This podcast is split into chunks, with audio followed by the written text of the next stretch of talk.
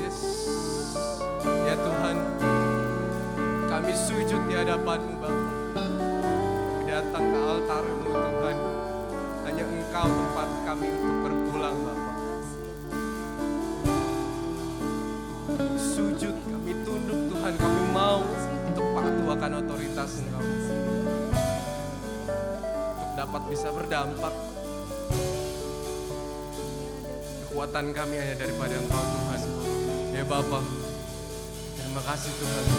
Terima kasih Yesus. Kami ingin buka ibadah pada hari ini Tuhan di dalam nama Tuhan Yesus Kristus. Haleluya. Amin. Amin. Bapak yang bersuka cita pada hari ini? Amin. Siapa yang bersuka cita? Oh iya, Amin. Kurang semangat nih. Siapa yang bersuka cita pada hari ini? Amin. Jadi untuk kita bisa berdampak, kita harus uh, menerima urapan dulu dari Tuhan. Jadi untuk bisa berdampak, kan Tuhan udah memberikan kuasa. Nah maka dari itu mari kita nyanyikan pujian hari.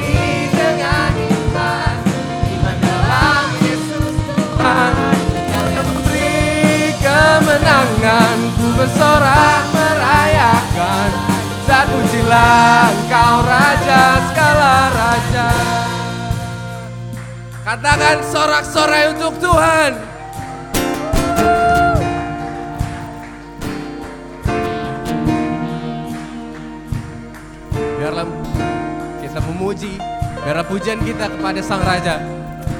Biarlah semua pujian kita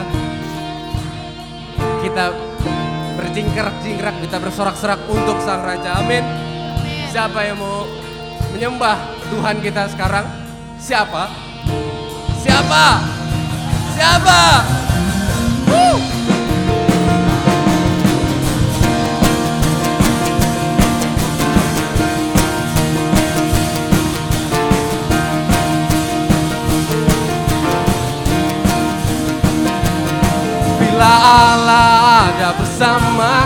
siapa jadi lawanku Bila Allah ada bersamaku siapa? Katakan lagi sekali lagi. Siapa? Bila Allah ada bersamaku siapa jadi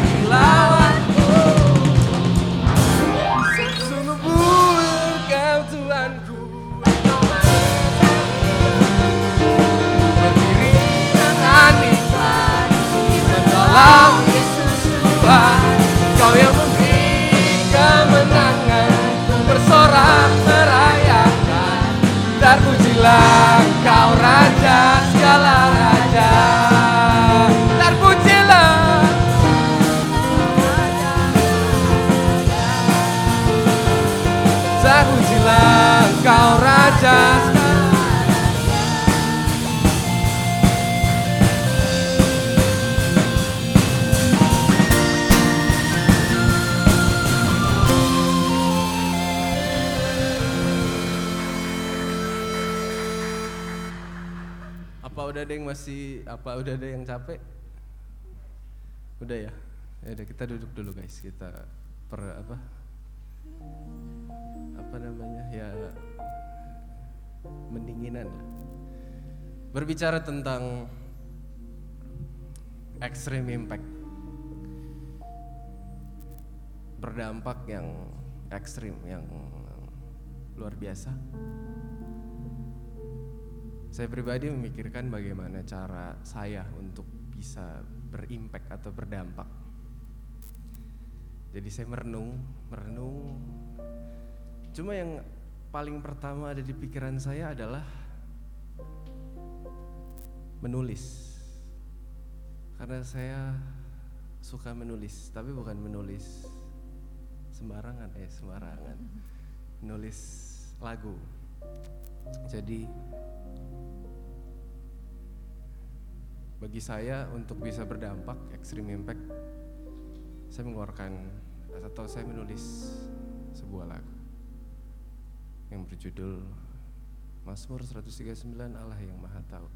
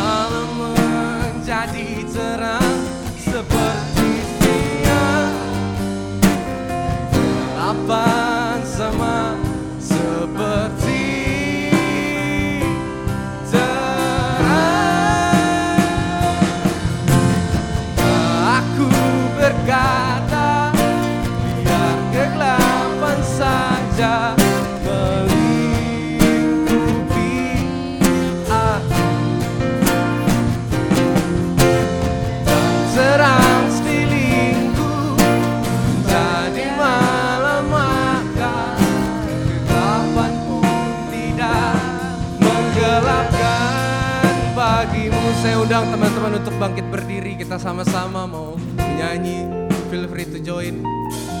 Jika aku terbang dengan sayap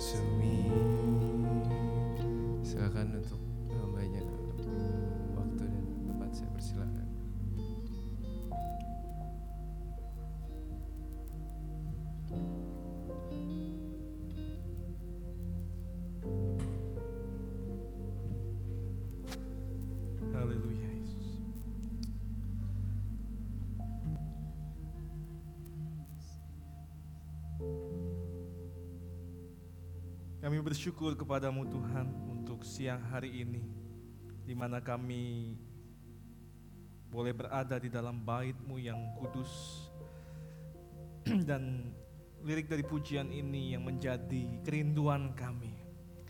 Your presence is heaven to me. Surga, kehadiranmu, hadiratmu adalah surga buat hidup kami Tuhan. Karena ketika Engkau hadir memenuhi hidup kami, kami akan merasakan satu damai yang tidak bisa kami dapatkan di luar sana. Ketika hadiratmu ada dalam hidup kami, ada satu sukacita, luapan sukacita yang keluar dari dalam hati kami untuk memuliakan namamu Tuhan. Ketika hadiratmu ada dalam hidup kami Tuhan, kami memperoleh kemenangan demi kemenangan Tuhan.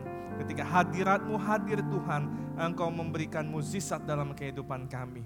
Terima kasih Bapak yang baik, dan siang hari ini Tuhan jangan biarkan, jangan biarkan dari kami, satupun dari kami yang melewatkan berkat yang akan kami terima pada siang hari ini melalui firman-Mu.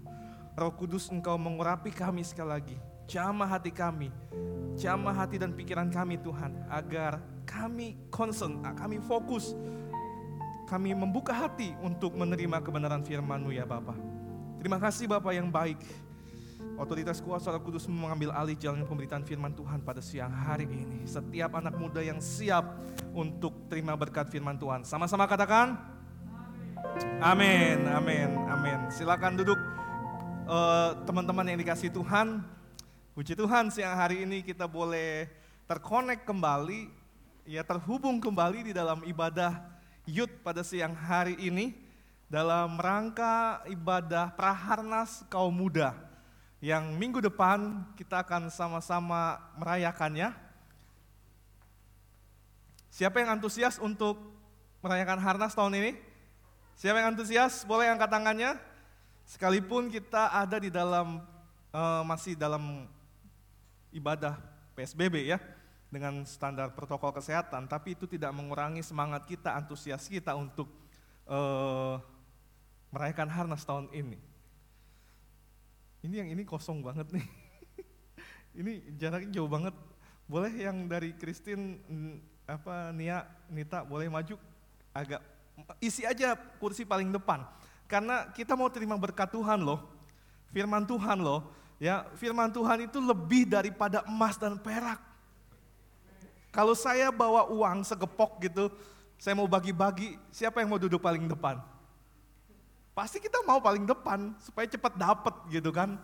Dan firman Tuhan itu lebih daripada emas dan perak, lebih daripada uang gitu. Jadi saya berharap teman-teman punya mindset yang tepat ketika kita dengar firman, ayo sebisa mungkin kita merespon. Ya artinya merespon itu mulai dari pemilihan tempat duduk itu udah respon yang benar gitu loh.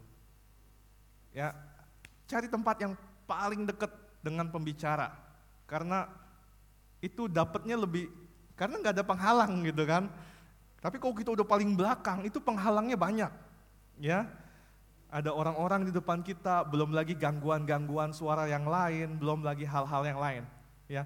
Jadi dapatnya nggak maksimal. Oke. Siapa yang sudah ibadah tiga kali hari ini? Charlie, Iren, Johnson, Vicky, Vicky tiga kali atau dua kali? Dua ya, tiga. Jadi kalian dapat triple portion hari ini. Dan harusnya udah bener-bener ngelotok ya. Harusnya udah bener-bener uh, apa itu nyangkut banget. Ya karena uh, bahan ini tadi saya udah bagikan di ibadah satu dan dua. Ya jadi karena memang ini masih nyangkut dengan youth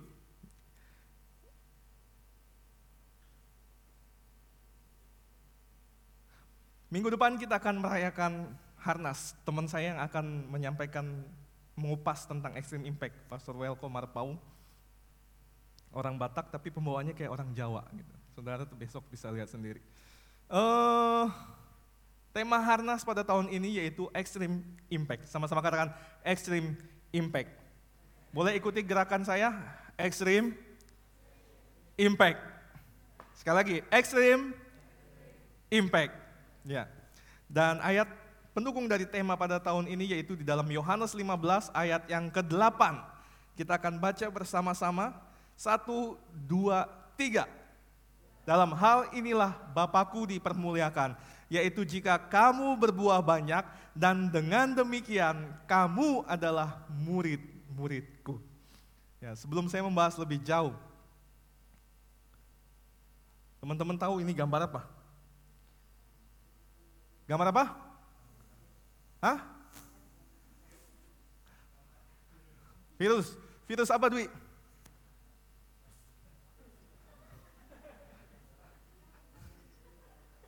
Virus COVID-19. Ya. Mungkin ini adalah gambar yang dalam beberapa bulan ini paling kita benci, ya, paling tidak kita suka. Kenapa? Karena dengan kehadiran virus ini, kehidupan kita jadi kena dampak. Semua sektor kena dampak, sekolahan, ya, pendidikan, keuangan, ekonomi, politik, bahkan dalam hal keagamaan pun kita kena dampak. Baru kali ini kita ibadah pakai masker, nyanyi, dengar firman Tuhan pakai masker. Seumur umur, seumur hidup saya belum pernah kayak begini. Duduk dibatesin, ya program-program gereja jadi terpending semuanya. Hidup jadi susah, gaji dipotong, ya bahkan ada yang kehilangan pekerjaan, usaha jadi tutup, menyusahkan, menyulitkan. Dampaknya luar biasa dari virus COVID-19 ini. Nah eh, demikian dengan tema Extreme Impact yang diangkat oleh Departemen Kemudahan Nasional pada tahun ini. Tema ini hadir untuk mendorong dan memperlengkapi setiap anak-anak mudanya Tuhan, yaitu saudara dan saya, supaya dari kehidupan kita ini mengalami extreme impact. Amin. Bagaimana kita bisa mengalami dampak yang memberikan dampak yang luar biasa untuk orang-orang yang ada sekitar kita itu yang menjadi kerinduan kita semua. Tapi tentunya pengaruh yang kita berikan adalah pengaruh yang positif, pengaruh yang memberkati, pengaruh yang menguatkan, pengaruh yang membangun orang, pengaruh yang dapat menolong orang lain, ya, pengaruh yang dapat menguatkan orang lain. Nah, latar belakang dari tema Extreme Impact ini Uh, saya mau tes nih. Tahun 2017 kita punya tema apa? Website, betul. Tahun 2018 kita punya tema apa? Hah? Apa? Running the Vision. Tahun 2019 tema kita apa? Claim higher, ya masih anget tuh baru tahun kemarin. Lalu tahun 2020 kita ada tema extreme impact. Nah 2017 ini clear sight itu mengajarkan kita tentang bagaimana kita punya cara pandang seperti Allah memandang. Melihat seperti cara Allah melihat tentang tuayan-tuayan jiwa-jiwa di luar sana. Nah setelah kita punya clear sight baru kita bisa eh, melaksanakan visi yang Tuhan taruh dalam hidup kita. Tuhan punya visi untuk hidup kita masing-masing. Tuhan punya rencana untuk kehidupan teman-teman masing-masing. Rencana Tuhan untuk Wendy dengan rencana Tuhan untuk saya beda-beda. Rencana Tuhan buat saya dengan rencana Tuhan buat Meta beda. Jadi bagaimana kita bisa menjalankan visi yang Tuhan taruh dalam hidup kita? Yaitu lewat clear sight. Baru kita bisa running the vision. Dan setelah kita punya clear sight, running the vision, kita akan dibawa Tuhan dari satu level kepada level yang lain. Ketika kita terus menjalankan visi yang Tuhan taruh dalam hidup kita, maka Tuhan akan menepati janjinya bahwa kita akan menjadi kepala dan bukan ekor. Tuhan akan mengangkat kita naik dan bukan turun. Artinya, Tuhan akan menempatkan setiap anak-anaknya di posisi-posisi strategis untuk menjadi berkat. Jadi tidak menutup kemungkinan dari tempat ini akan ada eh, orang-orang yang duduk di politik, untuk memberikan pengaruh. Jadi tidak menutup kemungkinan dari tempat ini akan ada eh, pejabat-pejabat publik yang dapat memberikan pengaruh untuk orang-orang untuk di sekitar kota di mana kita tinggal. Jadi tidak menutup kemungkinan dari tempat ini akan lahir pendeta-pendeta yang akan memberitakan firman Tuhan ke orang-orang di tempat di mana Tuhan utus. Ya, jadi tidak menutup kemungkinan dari tempat ini akan ada anak-anak muda yang memberikan extreme impact.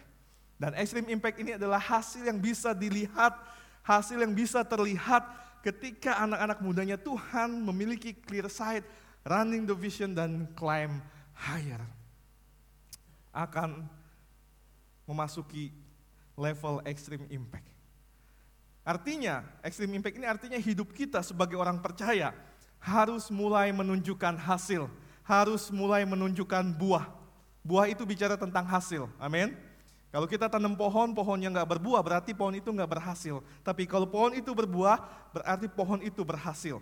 Dan Tuhan mengharapkan, Tuhan merindukan buah yang kita hasilkan adalah buah yang banyak. Dari hidup kita berbuah yang banyak, buahnya itu tetap. Artinya kita tetap berbuah banyak. Artinya kita tetap memberikan pengaruh. Jadi pengaruhnya itu bukan cuma mut-mutan Oh kalau lagi on fire, lagi setia melayani itu bisa memberikan pengaruh yang luar biasa. Tapi ketika kita lagi lemah, ketika kita lagi tidak melayani, kita bukan memberikan pengaruh. Yang memberikan pengaruh sih, tapi memberikan pengaruh yang jelek. Bukan. Tapi Tuhan meminta kita untuk tetap memberikan pengaruh yang positif, pengaruh yang baik di setiap musim kehidupan kita. Amin. Nah, bagaimana dampak yang luar biasa ini, pengaruh yang hebat ini dapat diciptakan di dalam kehidupan setiap orang percaya? Usaha apa yang harus kita lakukan untuk hidup kita bisa mengalami extreme impact? Apa kita harus jadi superhero dulu yang menyelamatkan orang? Spider-Man, Iron Man, Batman, apa harus jadi seperti itu dulu? Kan gak mungkin. Superhero itu cuma ada di film, di komik. Di dunia nyata gak ada. Apa kita harus jadi youtuber dulu? Siapa yang punya cita-cita jadi youtuber ada? Dennis mau jadi youtuber? Apa harus jadi youtuber dulu, influencer dulu, yang bikin vlog, bagi-bagi hadiah, bagi giveaway ya, bagi-bagi kado, bagi-bagi uang, harus bikin vlog dulu, bagi-bagi makanan, apa seperti itu? Kan nggak mungkin juga. Waktu kita terbatas.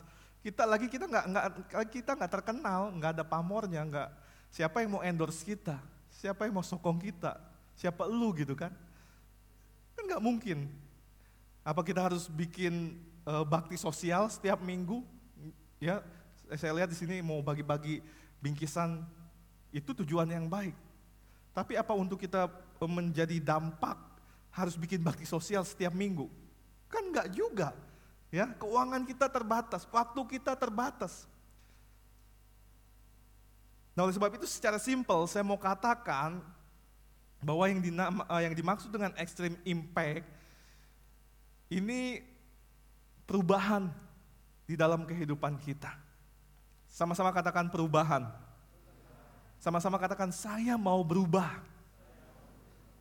Nah, ketika kita berubah, maka di situlah akan hidup kita bisa akan memberikan extreme impact. Perubahan di sini maksudnya adalah suatu pengaruh yang keluar dari hidup kita dengan sendirinya, yang terdorong keluar dengan sendirinya, ketika hidup kita dekat dengan Tuhan. Amin. Ketika hidup kita dekat dengan Tuhan, maka itu akan terjadi perubahan. Perubahan di dalam apa? Perubahan dalam sifat, tingkah laku, dan perbuatan. Dan hal inilah yang akan menolong seseorang untuk mereka dapat mengalami extreme impact. Tanpa adanya perubahan, maka kita akan sulit untuk mengalami extreme impact. Jadi ini bisa dilakukan di dalam kehidupan kita setiap hari dalam kehidupan pribadi kita masing-masing.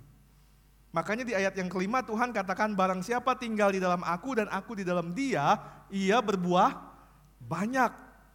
Sebab di luar aku kamu tidak dapat berbuat apa? Apa-apa. Barang siapa tinggal dengan Tuhan, tinggal dekat Tuhan, tinggal dalam Tuhan dan Tuhan di dalam kita, maka Tuhan katakan, maka kamu berbuah banyak. Maka kamu bisa extreme impact, kamu bisa memberikan pengaruh yang luar biasa. Tetapi jika seseorang memilih untuk tinggal di luar Tuhan, jauh dari Tuhan, tidak punya waktu untuk tidak punya waktu pribadi dengan Tuhan, tidak suka baca firman Tuhan, tidak suka berdoa, tidak suka beribadah, tidak suka melakukan firman Tuhan, maka Tuhan bilang kamu tidak dapat berbuat apa? Apa-apa. Artinya hidupmu sulit untuk mengalami extreme impact. Jangan harap. Ketika kita di luar Tuhan, jangan harap kita bisa mengalami extreme impact. Ya. Bagaimana kita bisa memberikan pengaruh yang baik? Bagaimana kita bisa mengatakan kepada orang lain, eh lu ke mana aja? Udah sebulan gak ke gereja-gereja? Rajin dong, ibadah dong. Nah sedangkan diri kita aja juga jarang ibadah. Apa bisa kita nasihati orang lain? Enggak bisa. Bagaimana kita bisa menasihati orang lain, eh tobat dong lu, judi mulu, lu mabok mulu, lu trek-trekan mulu, tobat dong, tak kalau lu mati gimana? Nah bagaimana kita bisa menasehati orang lain supaya bertobat, lah kalau diri kita sendiri juga masih masih kayak gitu, masih sering melakukan perbuatan jahat, sulit. Bagaimana kita bisa menasehati orang lain untuk mengampuni, Nah diri kita aja nggak suka mengampuni. Kita sukanya membenci, kita sukanya menyimpan dendam. Sulit, nggak akan memberi dampak. Nah oleh sebab itu dibutuhkan adanya perubahan yang mendasar di tiga bidang tadi yaitu sifat, tingkah laku, dan perbuatan setiap orang percaya. Ubahlah sifatmu yang jelek menjadi sifat yang baik dengan menanamkan nilai-nilai firman Tuhan di dalam kehidupan kita. Karena nilai firman Tuhan adalah nilai-nilai yang kekal yang dapat mengubahkan sifat jelek kita menjadi sifat baik. Lalu ubahlah tingkah lakumu yang tercela menjadi tingkah laku yang terpuji di hadapan Tuhan dengan mempraktekkan firman Tuhan dalam hidup kita. Jadi teman-teman, teman-teman jangan cuma dengar khotbah satu minggu satu kali lalu lepas dari gereja, pulang dari gereja udah lupa apa yang harus dilakukan hidupmu menjadi sia-sia. Itu nggak akan mengubah apa-apa. Makanya saya sering kali bawel menekankan kita harus jadi pelaku firman. Karena ketika kita mempraktekkan firman, firman kuasa firman itulah yang akan mengubah hidup kita. Yang tadinya tingkah laku kita tercela, akan menjadi tingkah laku yang terpuji. Karena kita rajin praktekkan firman. Ubahlah perbuatan-perbuatanmu yang jahat, menjadi perbuatan-perbuatan yang baik. Dengan melakukan perbuatan-perbuatan baik yang diajarkan oleh firman Tuhan. Firman Tuhan tuh banyak banget ngajarin perbuatan baik. Banyak banget. Tapi pertanyaannya gini, seberapa banyak perbuatan baik yang diajarkan firman yang sudah kita lakukan? Itu pertanyaannya. Injil itu firman itu nggak akan berkuasa apa-apa dalam hidup kita kalau kita nggak praktekkan. Sebanyak apa pun eh, perintah perbuatan baik. Tapi kalau kita nggak lakukan, itu nggak akan mengubah hidup kita. Nggak akan mengubah perbuatan jahat kita menjadi perbuatan baik. Jadi rajin-rajinlah melakukan perbuatan baik. E, perbuatan jahat itu kan ada di dalam kegelapan. Perbuatan baik itu ada di dalam terang. Firman Tuhan katakan terang tidak bisa bersatu dengan gelap. Apabila terang itu datang, kegelapan itu akan sirna. Jadi ketika kita rajin melakukan perbuatan baik, maka lama-lama perbuatan jahat kita yang biasa kita lakukan itu akan mulai sirna. Karena kalah dengan perbuatan baik. Karena hidup kita sudah terbiasa untuk melakukan perbuatan perbuatan baik. Sampai sini masih hidup? Siapa yang ngantuk? Ada yang ngantuk? Kalau ada yang ngantuk pesan kopi, pesan pesenin kopi. Ini bawa kopi ya. Nanti endorse, endorse ya, boleh di endorse. Yeremia 18 ayat 11. Rizky baca Ki. Bagian B. Ini aja. Enggak kelihatan, itu tuh di belakang ada. Yang kenceng.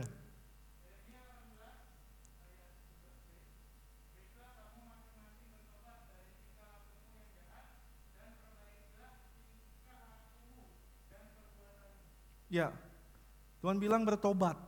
Bertobat itu masalah sikap, keputusan. Oke Tuhan saya mau bertobat. Saya mau berubah. Tapi apa cukup sampai di situ? No. Untuk mendukung pertobatan kita, kita harus melakukan usaha kita. Makanya Tuhan bilang, perbaiki tingkah laku, tingkah lakumu dan perbuatanmu.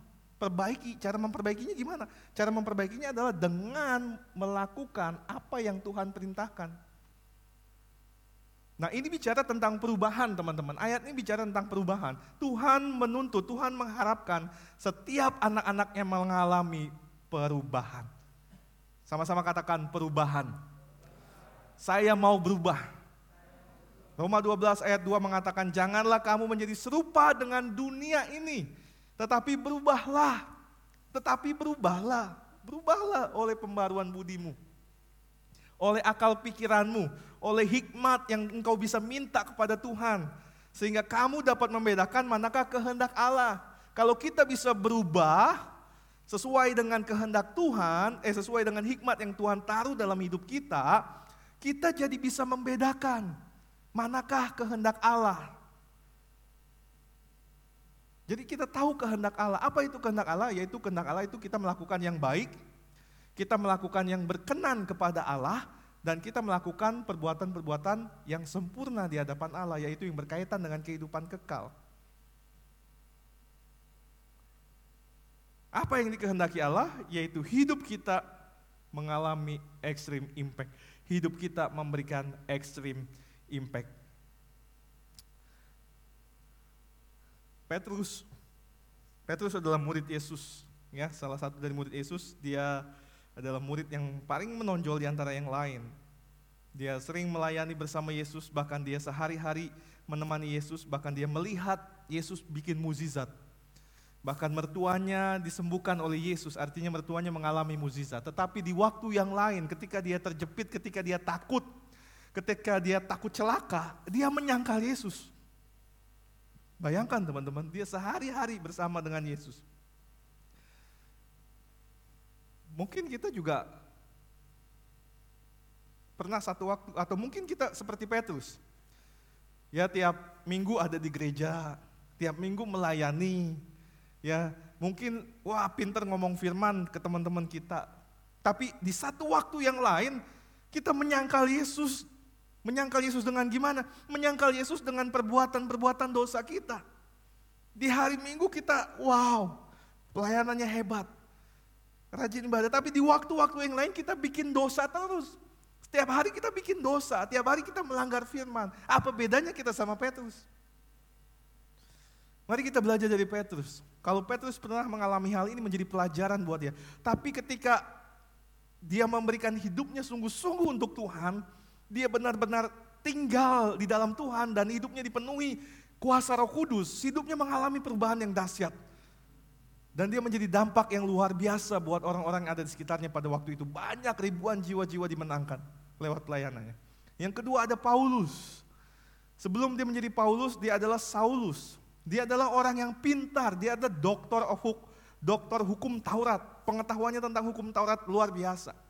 Tapi sayangnya dia dibutakan oleh kepintarannya.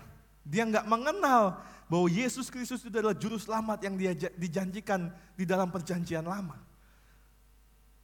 Tujuannya hanya berniat menganiaya, menangkap, menganiaya, dan membunuh orang Kristen. Sampai Tuhan tangkap dia, dia ketemu dengan Tuhan, sehingga akhirnya dia terbuka matanya, dia mengenal Allah dengan benar, dia memberi hidupnya untuk melayani Tuhan, dan Tuhan pakai dia dengan luar biasa, hidupnya menjadi dampak yang luar biasa. Sebagian besar kita perjanjian baru ditulis oleh Paulus.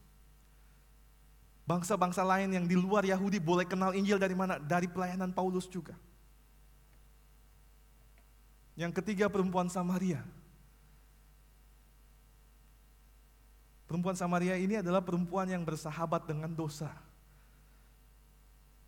Karena dia kumpul kebo. Dia tinggal satu rumah dengan laki-laki yang bukan suaminya. Itu dilakukan sebanyak lima kali. Luar biasa. Artinya dia bersahabat dengan dosa. Nah, mungkin ya kita juga masih suka bersahabat dengan dosa. yang tanpa kita sadari itu membuat kita tidak memberikan dampak yang luar biasa. Itu membatasi, membatasi pertumbuhan iman kita. Itu membatasi Allah bekerja dengan leluasa dalam hidup kita. So, koreksi hidup kita. Apakah selama ini kita masih suka kompromi dengan dosa? Sehingga hidup kita sulit untuk memberikan pengaruh yang luar biasa untuk orang-orang sekitar kita. Hidup kita sulit untuk extreme impact. Tapi perhatikan ketika perempuan ini ketemu dengan Yesus. Dia kenal Yesus dengan benar. Dan dia terima firman yang diajarkan Yesus. Hidupnya berubah. Berubah drastis sampai-sampai orang-orang di kotanya penasaran. Kok dia bisa berubah ya? Yang tadinya wanita pendosa, penzina, tapi dia bisa bersaksi tentang kebaikan. Ini sesuatu yang luar biasa. Sampai akhirnya dia bawa orang-orang di kotanya ketemu dengan Yesus. Dan orang-orang di kotanya menjadi percaya kepada Yesus. Lewat apa? Lewat perkataan, lewat kesaksian perempuan Samaria ini. Biarlah hidup kita boleh menjadi kesaksian. Amin. Biarlah kehidupan kita boleh menceritakan tentang kebaikan Tuhan buat orang-orang yang ada sekitar kita. Dan kuncinya satu, jangan kompromi dengan dosa. Kalau hidup teman-teman masih suka kompromi dengan dosa, saya jamin mulut kalian tidak akan berani menceritakan tentang kebaikan Yesus. Sulit untuk mengeluarkan kata-kata tentang kasih, tentang keselamatan Yesus. Karena kita masih dibelenggu, masih kompromi dengan dosa. Oleh sebab itu kenalah Tuhan dengan benar. Terimalah pengajaran-pengajaran firman Tuhan di dalam hidup saudara agar kita tidak kompromi lagi dengan dosa. Yang kedua, extreme impact adalah on the track. Kalau kita on the track, kita akan terus berjalan. Kalau kereta itu apa namanya, Dev? Kalau nggak di tracknya apa? Anjlok. Kalau kereta yang tinggal dekat kereta-kereta Kalau kereta anjlok, siapa yang suka naik kereta? Ada nggak yang suka naik kereta kerja, kuliah? Ada Sarah. Ada. Kalau kereta anjlok, bisa jalan nggak? Bisa sampai tujuan nggak? Nggak bisa, sulit. Nggak bisa jalan, nggak bisa sampai tujuan. Kalaupun sampai tujuan itu butuh waktu yang sangat lama. Nah demikian dengan hidup kita. Ketika kita ikut Tuhan, ikut Tuhanlah di dalam jalurnya Tuhan, on the track, jangan sampai anjlok. Artinya apa kok? On the track itu artinya mengikut Tuhan dengan caranya Tuhan.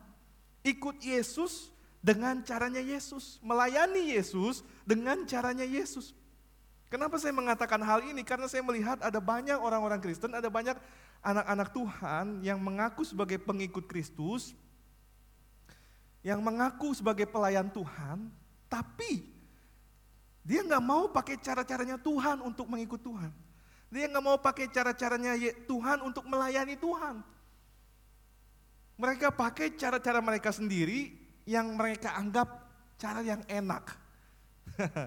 cara yang bisa menghindarkan mereka dari kesulitan. Cara yang mereka anggap itu menyenangkan.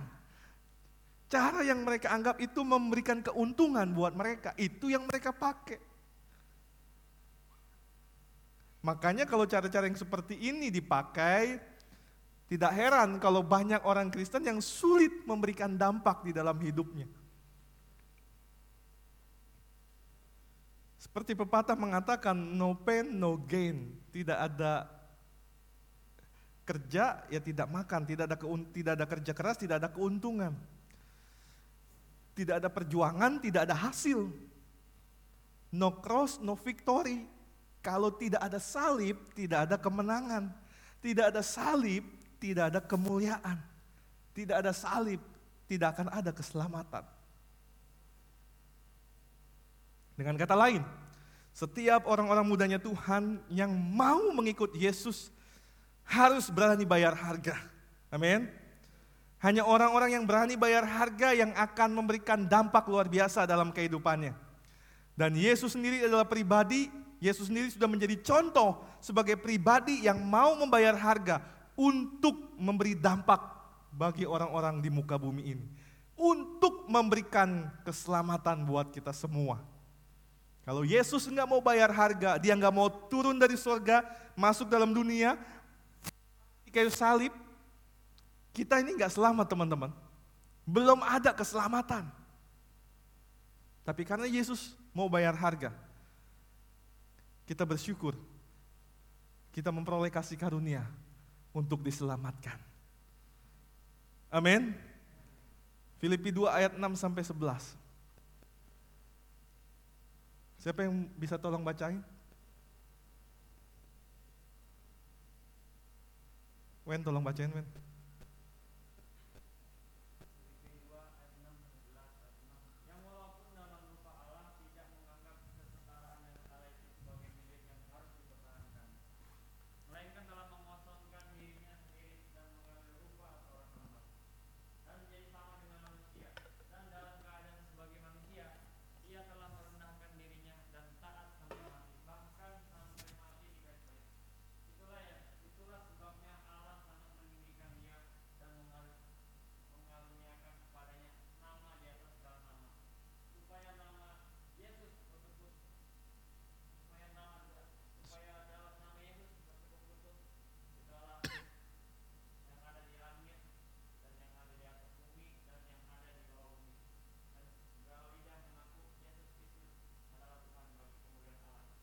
Amin.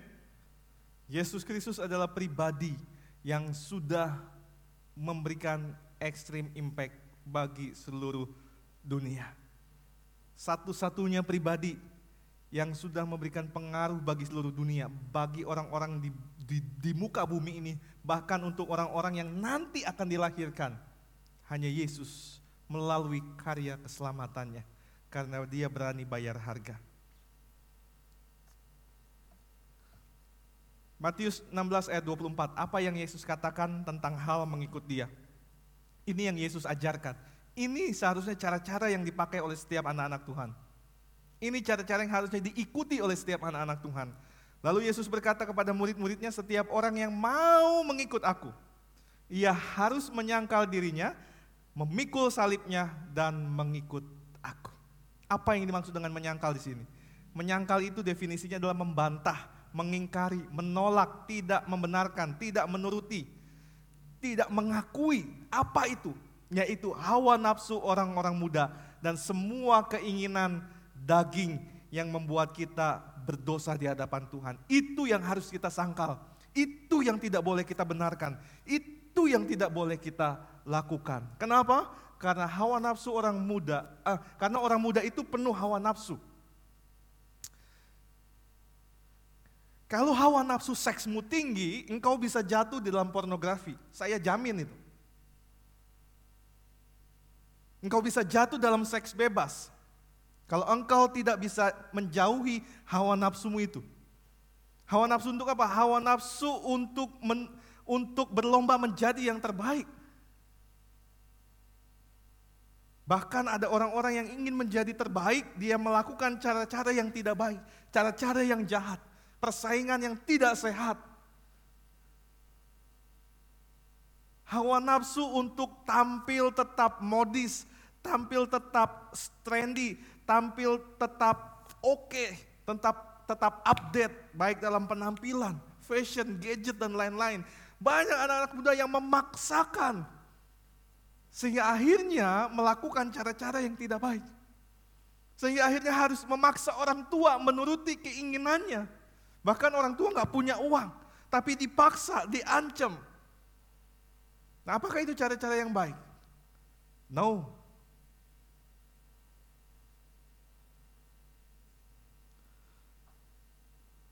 Hawa nafsu untuk membalas setiap orang yang berbuat jahat kepadanya. Setiap orang yang membuli dia. Makanya di dalam ruang lingkup anak-anak muda banyak yang namanya bullying. Ada yang namanya persekusi. Bahkan sampai tindakan membunuh. Karena apa? Hawa nafsu yang tidak terkendali. Ya, karena menuruti keinginan daging. Makanya 2 Timotius 2 ayat 22 berkata demikian. Sebab itu jauhilah nafsu orang muda. Kejarlah keadilan, kesetiaan, kasih dan damai bersama-sama dengan mereka yang berseru kepada Tuhan dengan hati yang murni. Jauhilah nafsu orang muda. Jauhi, uh, kendalikanlah nafsu orang mudamu. Nafsu manusia jasmaniamu kendalikan. Karena kalau engkau enggak kendalikan, bahaya hidupmu. Ya, engkau hanya akan jadi budak dari nafsumu. Bahkan engkau akan terjerumus kepada keinginan-keinginan dan perbuatan-perbuatan daging yang membuat kita berdosa di hadapan Tuhan. Ya, jadi itu yang pertama, kita harus mengikut Yesus. Mengikut Yesus berarti kita harus menyangkal diri. Ini cara yang Yesus ajarkan. Yang kedua, cara yang Yesus ajarkan adalah memikul salib. Apa yang dimaksud dengan memikul salib? Salib merupakan lambang penderitaan, lambang hinaan. Orang yang matinya di salib itu sangat menderita dan sangat terhina. Artinya, sebagai orang-orang mudanya Tuhan yang sebagai pengikut-pengikut Yesus, kita harus benar-benar siap untuk menderita bagi Yesus. Amin. Artinya kita harus benar-benar siap menghadapi keadaan hidup yang mungkin ketika kita ikut Yesus kita bisa mengalami kesusahan, penderitaan. Karena ketika kita ikut Tuhan, Tuhan gak menjanjikan kalau engkau ikut saya, usahamu pasti maju terus, pasti untung terus. Enggak. Kalau engkau ikut saya, hidupmu pasti senang terus, pasti lancar terus. Enggak. Justru ketika Tuhan ingin melihat pertumbuhan iman-iman kalian, Ketika Tuhan ingin melihat pertumbuhan rohani kalian, Tuhan izinkan masalah demi masalah, ujian demi ujian itu datang dalam hidup kita. Supaya kita bertumbuh. Dan namanya ujian, namanya masalah itu nggak enak. Ya, itu membawa kita kepada penderitaan. Itu artinya kita harus memikul salib. Nah, oleh sebab itu jangan minta salib yang ringan. Amin. Jangan minta Tuhan, Tuhan saya nggak sanggup salib ini berat, kasih saya salib yang ringan aja. Atau kalau bisa bebaskan saya, nggak usah pikul salib. Jangan, engkau tidak akan bertumbuh. Imanmu nggak akan bertumbuh, pertumbuhan rohanimu akan bantet. Tapi mintalah bahu yang kuat, pundak yang kuat untuk memikul salib, untuk menanggung penderitaan. Dan kaki yang kuat untuk terus berjalan mengiring Yesus umur hidup kita. Sekalipun banyak jalan yang terjal, banyak rintangan. Cara-cara yang Yesus lakukan adalah cara-cara yang sudah terbukti memberi dampak luar biasa. Dan kalau kita sebagai murid-muridnya juga memakai cara-caranya Yesus, maka hidup kita juga akan memberi dampak luar biasa. Karena Yesus sendiri mengatakan di dalam Yohanes 14 ayat 12, Aku berkata kepadamu sesungguhnya barang siapa percaya kepadaku, ia akan melakukan juga pekerjaan-pekerjaan yang aku lakukan. Bahkan pekerjaan-pekerjaan yang lebih besar daripada itu. Nangkep teman-teman? Nangkep maksud ayat ini? Kok gimana sih? Kok ada pekerjaan-pekerjaan yang lebih besar daripada Yesus? Saya kasih tahu nih. Tadi di ibadah umum saya nggak bukain eh, ininya, ceritanya. Karena waktu saya nggak keburu. Di, di youth mah fleksibel sedikit lah ya. Jadi gini, waktu Yesus ada di Israel, dia melakukan pelayanan-pelayanan, ya kan? Dari pelayanan Yesus ada banyak orang kan. Tapi yang bis, yang Yesus bisa lakukan pada waktu itu cuma di ruang lingkup Israel. Itu pun enggak, enggak semua orang Israel bisa percaya. Itu pun belum semua orang Israel bisa dimenangkan. Nah Tuhan bilang, barang siapa percaya kepadaku, ia akan melakukan juga pekerjaan-pekerjaan yang aku lakukan. ia juga akan melakukan pelayanan-pelayanan yang aku lakukan. Bahkan pelayanan-pelayanan yang lebih besar daripada aku. Yang dimaksud dengan lebih besar ini itu adalah dalam ruang lingkup, ruang lingkupnya, ya. Nah, contohnya gini. Uh, yang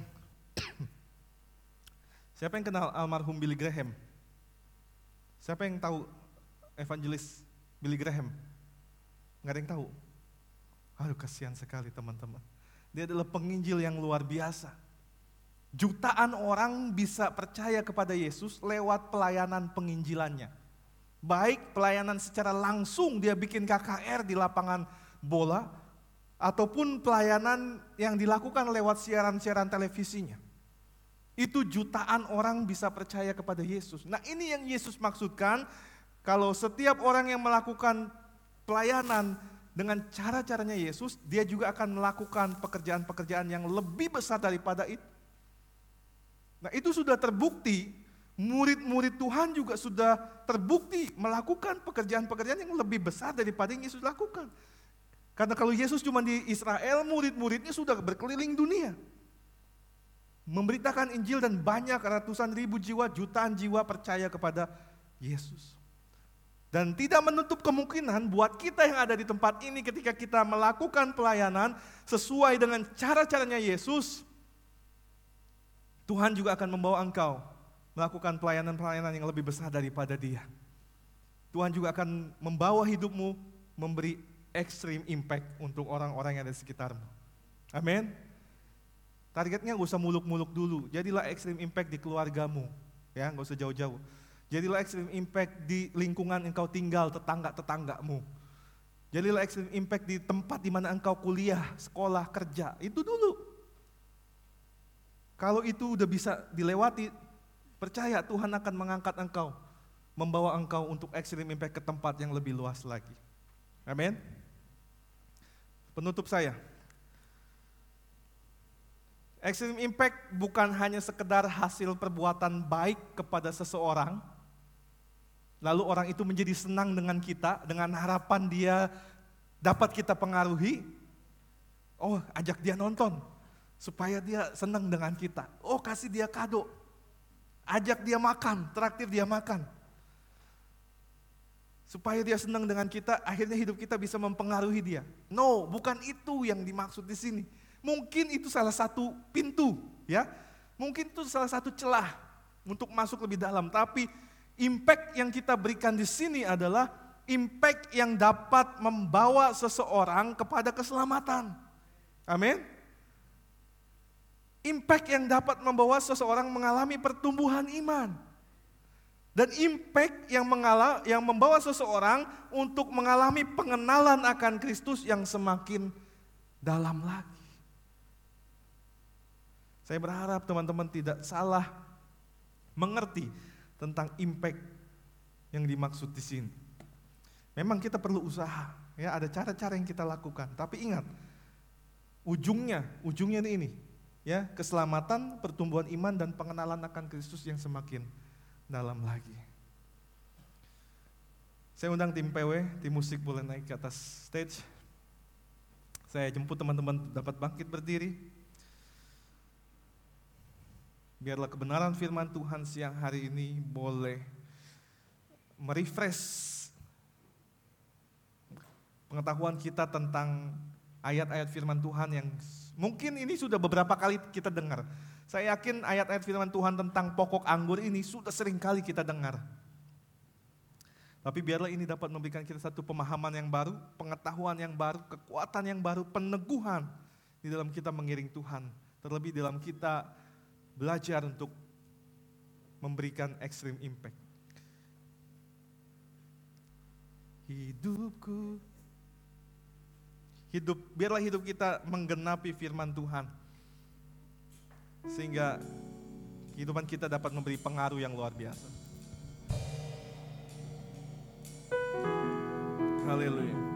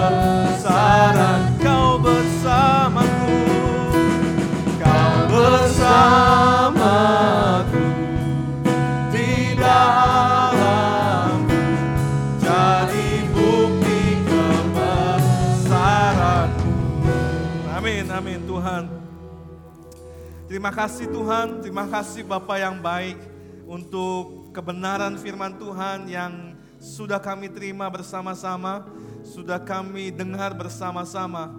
Sekalipun hambamu berhenti berbicara, tetapi biarlah kuasa roh kudus akan terus mengimpartasikan nilai-nilai firman Tuhan, rahasia-rahasia firman Tuhan yang mungkin belum tersingkapkan pada sore hari ini Tuhan. Kami terus membuka hati dan pikiran kami, hidup kami untuk dipimpin, dibimbing oleh kuasa roh kudusmu Tuhan. Kami tahu kehidupan kami masih sangat muda, terkadang kami masih labil Tuhan, terkadang kami masih terbawa arus pergaulan, terbawa pengaruh-pengaruh teman kami Tuhan. Biarlah lewat kebenaran firman Tuhan siang hari ini kami boleh diteguhkan, kami boleh dikuatkan Tuhan.